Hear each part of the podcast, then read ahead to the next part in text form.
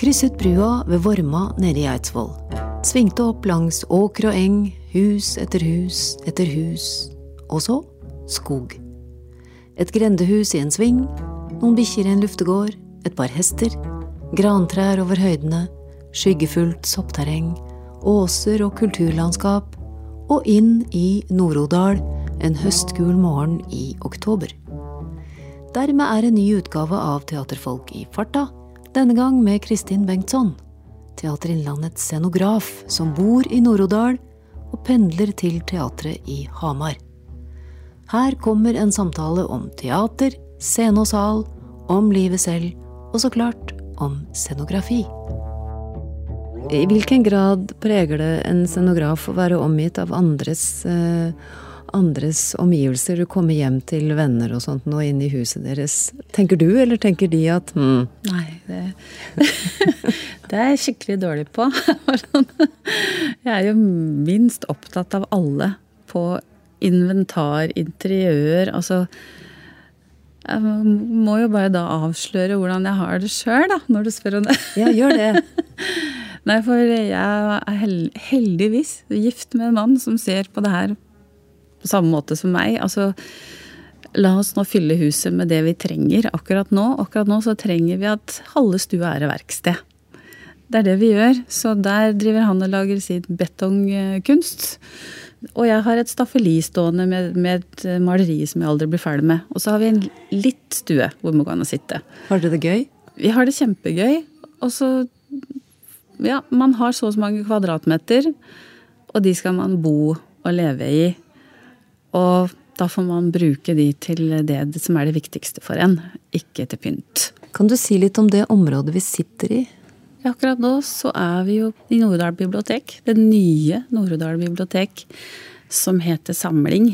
Som, som ble åpna i, i juli. Et nydelig arkitektonisk bygg som nesten kan minne om en katedral i lyst treverk. Og som, som jeg tror blir eh, virkelig det det, det heter, en samling for bygda. Og her er det jo bank, og det er leiligheter, og noen flerbruksrom til type små teater eller foredrag eller Ja, det er, det er et veldig vakkert rom å være i. Skulpturelle vindusflater. Myke former, nesten organiske former. Mm. Ja. Som en sånn eh, slags eh, hobbithule, deler Ja. av den. Med limtredragere og treverk som er reist for å dempe akustikken.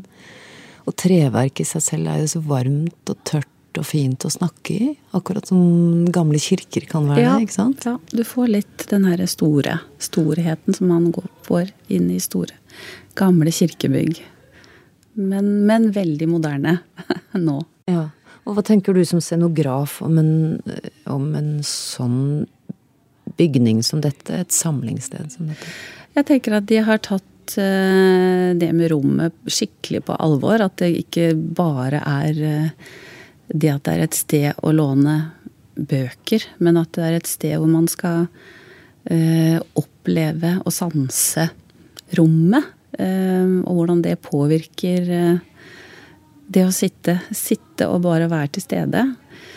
Men nå, jeg tror òg det å kunne føle at du nesten går aleine rundt her, det å føle man kan være at man er eh, på vandring, da, uten å, å bytte på så mange. Jeg tror den der stillheten er nok et sted som, som blir viktig å gå til innimellom. Og det her har virkelig greid å få til det. Kan du si litt om hvordan du jobber som scenograf helt fra starten i en produksjon? Altså hvordan Vi kan ta, ja, vi kan ta en konkret produksjon. Som eh, du har eh, hatt ansvaret for nå i nyere tid. Skuespillerprosjektet ved Teater Innlandet. Skjæra av seg huet. Ja, det var jo annerledes enn alt annet. Og selvfølgelig masse snuoperasjoner fordi det ble, kom korona midt inn i dette her. Så fra å være en kulturhusturné, så blei vi plutselig en helstøpt TV-produksjon.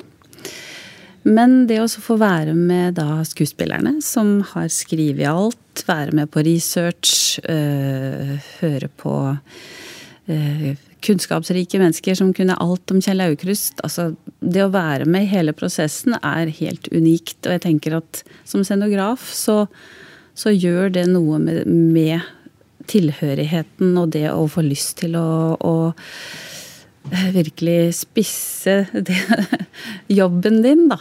At du ikke kommer til et ferdig manus og skal løse det, men her har man vært med å påvirke. Så det vi fikk da mm, Torleif Bamble Linhave. Sier, mm. Linhave sier da fyll hele prøvesalen. Det, den skal brukes som, som TV-studio. Med full kamerapakke fra proffe Fabelaktiv. Og eh, hvor alt skal da filmes live. Så jeg må bare si at dette har ikke jeg gjort før. Og det hadde vel ingen av oss av skuespillere. Altså veldig ny setting. Og en liten sånn gjenbruksoverskrift. Så, så, akkurat på den forestillingen så, så var jo der hva er det vi har? Ja. Når vi kom så langt så vi skulle fylle rom, så hva er det vi har av ting? Hva er det vi kan bruke opp igjen? Hva er det som kan funke inn her? For det er jo massivt. Så det å bygge alt på nytt var ikke aktuelt. Og vi, vi lagde da rommet til, til de to hovedpersonene, som har jo et slags slektskap til, til Flåklypa-universet. Og så var det da å lage et slags laboratorium og en Italia-avdeling. Selvfølgelig. Ja. ja. Så um, et veldig lekent prosjekt, og hvor det Ja, litt rock'n'roll. Vi tok en del på hæren, jeg må jo innrømme det. hvor man sier ja, vi har akkurat avslutta uh, Utlendingen. Store turné, første produksjonen som, som Torleif hadde og plukka med oss deler av den og tenkte det kjenner man ikke igjen. Nei, vi tar eh, de digre gardinene og møbler og Så gjenbruk fra den, gjenbruk fra Pipe Langstrømpe, gjenbruk fra ja, for den som har sett mye av det vi har gjort opp igjennom, kunne nok plukke litt forestillinger der. Og selvfølgelig lagde vi en del da på nytt. Ja, Var det gøy? Det var kjempegøy. Det var um, en sånn skatt av en forestilling hvor det du virkelig kjenner at du har vært med fra A til Å. Og så var det bare to kvelder, og så var det slutt. Ikke sant? Det, ja, var, det gjør litt vondt. Det, ja, det føles på en måte litt uh, meningsløst, men samtidig så er det er det òg veldig lærerikt i det her eh, øyeblikket som det skal skapes magi. Og så da må du være med, og så er det over. Så jeg hadde premierefest hjemme i stua hos meg sjøl her i Odalen. Så satt jo og så på TV. Jeg tenker at den, det eksempelet da er, er, jo ikke akkurat dekkende for sånn man vanligvis jobber. Så som regel så, så går man jo inn i et manus sammen med en regissør. Og regissør har jo som regel òg noen tanker i forkant om, om hvor er vi, og hvilken tid, og hva slags uttrykk. Og så sammen eh, ha noen tanker rundt det. Men så er det jo opp til meg å gå hjem og tenke hva, ja, hva betyr nå det her? Og hvordan legger jeg min tolkning i det? Man har jo en strek med seg inn. Så fra, for å prøve å ikke altfor praktisk å tenke turné og alt sånn allerede, så prøve å holde seg til det kunstneriske uttrykket lenge nok. Mm. Det er, det er noe med å gi skuespillerne et landskap og et rom for å fortelle den historien. Eh, maks spennende, interessant, variert. Men å legge inn små hemmeligheter og skatter som gjør at man kan bygge opp under det, den tematikken som måtte være der. Da. Uten å bli, ta for stor plass, for det er jo òg en en fare ved at du blir for gira og for lysten på å fylle dette rommet, eller Ja, at scenografien ja, nesten bakspiller? De beste scenografiene er jo de som, som bygger opp under, bare. Og som gir løfter teksten, løfter skuespillerne. Gir de noen muligheter, men som publikum ikke tenker så veldig mye over at er til stede. Sjøl om det er litt trist da, at ingen tenker over hva du har gjort. Men det er litt av greia. Ser du at eh, scenografien din, og også kostymedesign, for du gjør jo begge deler, ja. at det hjelper skuespillerne ja. til å finne karakterene sine? Ja. På hvilken måte? Det er jo noe med å kanskje først sette seg inn i hvem er det nå som skal spille her? Hva slags kropper er det? Hva slags fysikk har de? Hva er de komfortable med? Det er jo mange ting du tenker på som kostymedesigner som du kanskje ikke skal prate for mye om med vedkommende, men du må jo betrakte mennesker. I, i hva er det jeg kan hjelpe til med her for at uh, uh, det skal bli bedre for skuespilleren å, å gjøre de store bevegelsene? Eller skal, er det motsatt? Skal jeg lage det så det blir trangt for vedkommende og vanskelig å spille? Er det en greie som vil hjelpe? Jeg hadde lagd en barneforestilling for mange år siden. Det var på Hedmark teater. Hvor da hovedrollen er da en fantastisk fargerik, sprudlende spansk senorita. En barneforestilling som da skal være større enn seg sjøl. Men hun fant på en måte aldri helt foten på det. Og så sier jeg hva skal vi gjøre da? Snakker med regissøren. Ok, nå putter vi bh-en utenpå kjolen. Og så putter vi på på en måte ullsokker ned i platåskoa. Og så var det liksom bare det som skulle til. Altså at man gjorde noe feil. Noe som ikke stemmer helt. Så, ja, da var vi der. Og det ble gøy for henne også? Det ble kjempegøy. Plutselig så var ikke ting sånn riktig. Det var, det var noe feil, og som hjalp henne da til å gå inn i den her litt rare damen. Men ja, det, dette er jo en kommunikasjon med skuespiller. ja, Og med skuespillerens kropp, kanskje? Og med skuespillerens kropp, ikke minst. Eh, og skotøy. Skotøy er jo magi. Eh, På hvilken måte da? Altså, dette er gøy. Ja, eh, nei, jeg tenker jo at hvis, hvis man skal eh, det å gå i sokkelesten gjør deg sjelden farlig, for eksempel. Da. Så Eller gir deg noe mulighet til å trampe hardt. Altså gir du vedkommende tunge støvler med ekstra lyd i, eller formen er spiss, eller Så får du et eller annet våpen, men samtidig har du et skotøy. Hvis, du, hvis vedkommende er veldig eller kort og trenger å komme, så er det jo noe med å bygge opp i høyden. Sjøl om det er vanskelig. Da kommer vi igjen på, på, hvor mye bevegelighet har du da, hvis du skal sta, klatre rundt på høyhæler. Men det er sånne små ting som, som uh, kan gjøre noe med karakteren og tryggheten for skuespilleren, tenker jeg. Sånn, det hjelper meg. Jeg kan gjemme meg litt bak det her kostymet. Jeg kan bruke det som som en slags uh, enten skjold eller at jeg blir modig i det. Ja. Mm. Fortell om grendehus. ja, det er litt sånn kjærlighetsforhold til disse små husa. Og det har jo kanskje noe med at jeg har jo vokst opp på bygda. Jeg har tråkka mine lakksko på juletrefester i Gullverket. Jeg har vært på bygdefest det er jo det som har vært min ungdoms- eller tilbud. Det å gå på fest på, på Trudvang, på Vonheim, på ja, ja. Så jeg har det, pluss alle konfirmasjoner og, og dåp. Og så tenker jeg at disse husa har så mye av folk folkets liksom, livet til mennesker opp igjennom i seg.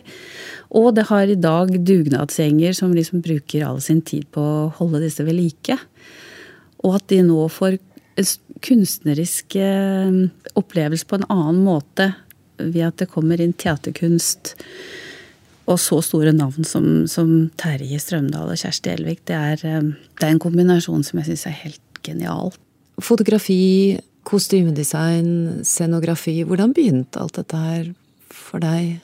Hvorfor ble det sånn? Ja, det har jeg jo tenkt på før jeg skulle møte deg. Og da tenkte jeg jammen er det lenge siden jeg begynte. Jeg gikk i sin tid på yrkesfaglig på noe som het utstillingsformgivning. Og siste året der, dette er tre år i yrkesfaglig, på, dette er jo lenge siden, så hadde da, Det var i Asker. Asker Bleiker videregående skole het det. Så hadde de mulighet til utplassering på ymse steder, men deriblant Nationaltheatret og rekvisittavdelingen. Og dit søkte jo jeg meg. det henger nok sammen med at uh, i det her faget, da, som var litt sånn markedsføringsmessig, med det med å stille ut klær eller varer eh, var litt fjernt. Jeg blei litt for fargeglad, litt for sånn blomstrete i det. Til at, så jeg tenkte at ja ja, jeg skal kanskje i noe som har med mer fantasifulle saker å gjøre, og så søkte jeg meg dit, da. Ingen teatererfaring, ingen i min familie som har på en måte dratt meg i retning av noe sånt, så det var litt tilfeldig. Jeg har vært flink til å tegne. Jeg har vært um, kreativ i så måte opp igjennom. Så det, det, var vel en sånn søken etter hvor kan man bruke det her evnene sine. Da. Utplassering på Nasjonal var jo som å komme til himmelen. For en magi, liksom, å vandre i det her huset, få lov til å stå lengst bak i salen og titte på prøvene. Være nede i kjelleren på rekvisittavdelingen. Da holdt de på med, med Reisen til julestjernen. Så jeg fikk være med å lage smørøye i grøten. Hva lagde du da? Det var vel noe sånn teddyfor og noe lim og noe maling og noe greier. For det er jo akkurat det der med å lage illusjon av noe og, og, få publikum til å være med på, på, den leken, da. Vi prøver jo ikke å gjenskape virkeligheten. Vi, vi tar det litt lenger. Så, så, så, sånn som unger gjør når de finner et eller annet og sier at dette er det. Dette er, uh, dette er en bil, og så er det kanskje bare en melkekartong, liksom. Men mm. her kan vi gjøre det, og mm. publikum er med. Og jeg tror at det er sunt for oss, da, å fantasere oss litt vekk fra, fra oppskrifta på ting. Men hvorfor fortsetter vi å gå i teater? Hvorfor fortsetter man å lage teater? Den som hadde svar på det, og hvordan få flere til å komme. Trenger vi det? det kan hende vi har Tilbake til grendehus, kanskje vi har litt for store hus. Kanskje vi prøver å presse for Altså tror at det her er en slags sånn Alle skal, men kanskje ikke alle skal. Det er jo sånn på alle andre ting òg. Vi er vi har interesser, og vi har ting som betyr noe for oss i mindre grupper, og sånn kan, må det kanskje være med teater. At så jeg tror det her Grendehusturneen sier noe om det mer riktige formatet, da. Og hvor du kan møte færre mennesker. Men jeg tror det er viktig å fortsatt lage disse møteplassene for historiene, fortellingene, som ikke bare som jeg nå er på bibliotek, vi kan lese det sjøl, men jeg tror det er viktig å få de fremført eller tolka eller illustrert eller sånn av andre. Og så kan du liksom gå hjem og tenke på hva fikk du ut av det? Du tar med deg naboen i døra, og du tenker hva syns du om det her? Og så får man i gang en samtale om en opplevelse, i stedet for at sitter hver for oss heldige og ser på Netflix og film og får ikke de samtalene. Jeg, jeg, tror det er veldig viktig, men det er noe gammeldags i det. Det er jo det. Jeg har jo prøvd å få med meg mine ungdommer på ting, men når de, når de, gjør det, så ser jeg at de har fått en skikkelig stor opplevelse som de ikke kunne forutse at skulle bety så mye. Jeg hadde med meg eh, yngstesønnen min på Le Miserable i London. Og hvor etterpå han nesten altså, var kjempelei seg for at det var slutt. Kan ikke få være i det her magiske rommet litt til. Eh, og jeg tror at det, det gjelder flere, da. Men, men det er litt sånn hvordan få folk til å oppdage det og velge det. Eh, og kanskje det, det, kulturhusene har gjort sin Kanskje det er litt forbi med de svære. Det er andre arenaer vi må gå løs på. Men nå å lete etter uh, historier som er aktuelle. Jeg tror at uh, vi har så mye å fortelle, eller mye å lage, som ikke har blitt lagd ennå. At det er vi gjentar oss kanskje litt for mye. Det er for mye Akebakkskogen og for mye Ibsen og for mye Jeg veit ikke. Men samtidig er det jo det folk går på. Hvis man skal liksom safe. At de går på noe de har hørt om før? Ja. Noe som er kjent? Ja, jeg har jo inntrykk av at det er lettere. Anders Kippersund sier mm. noe om uh, dette med at han jo først og fremst ønsker veldig forskjellige folk med veldig forskjellige livsinnstillinger ja. i teaterrommet. Mm. Men han sier, fordi Hamarteater og Turnéteatret drar jo rundt, de også, mm. på skoler og mm. Barneskoler og ungdomsskoler og sånn. Og det å møte elever som kanskje også sitter i en litt hardere skolevirkelighet. I en gymsal, i et samlingsrom, og du merker at det er ikke alltid så lett å holde orden her. Men å få unge mennesker til å forstå, uten at du egentlig sier det, at her kan dere være en stund. Ja, jeg tror at det er eh, et stort savn. Sjøl om de kanskje ikke er helt klar over det ennå. For ungdom i dag har ikke så mye tilbud på skolene om altså, Det med kreative fag, det med drama på skolen, det med At det kunne ha vært så mye mer, og kanskje man da hadde òg fått en oppdagelse av det her inn i ungdom, inn i voksenverden. At dette er eh, en verdi som kan hjelpe deg til, til å takle ting. Vi har jo en, en rockeklubb her i Nordalen som, som jeg tror kanskje øh, har skjønt noe av det her. De, de har altså en haug med unger hver dag til å pugge på instrumenter.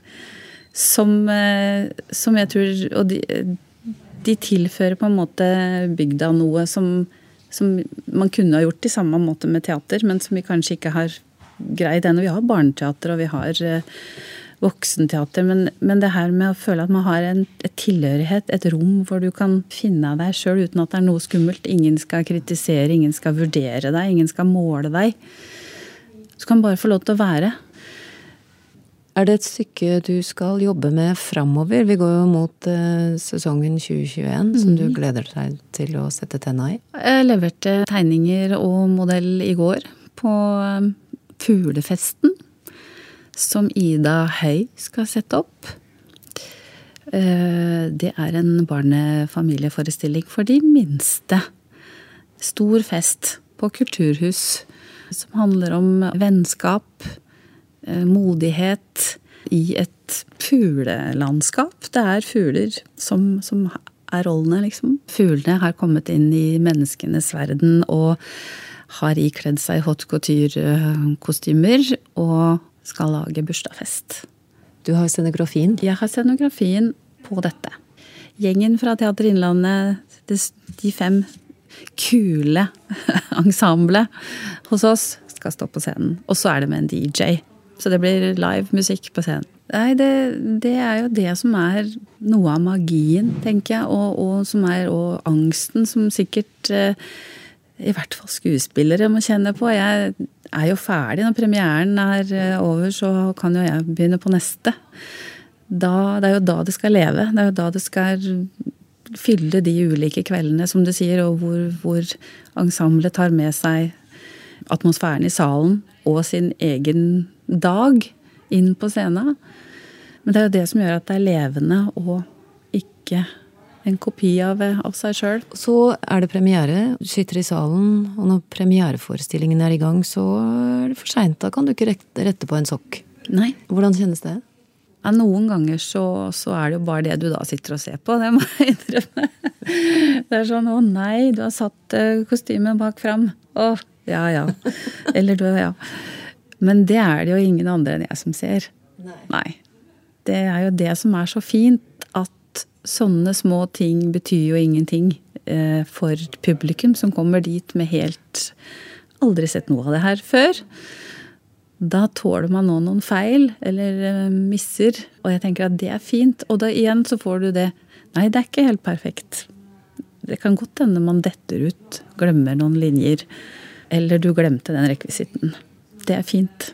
Jeg tror at eh, den, den nerven da, som ligger over det, fordi at du veit at det, det, kan kanskje skje noe i kveld òg. Kanskje, vi veit jo ikke. Gjør jo at det er spennende. Men jeg er litt usikker på hvor eh, bevisst publikum er på det.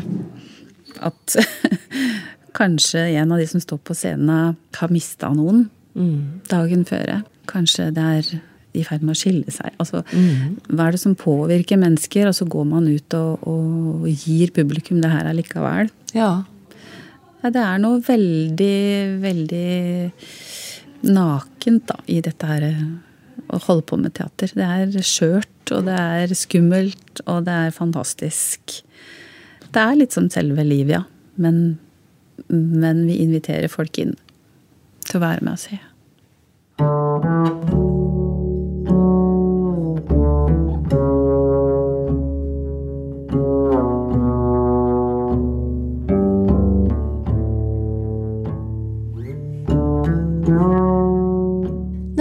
Møter du en av Teater Innlandets fødselshjelpere.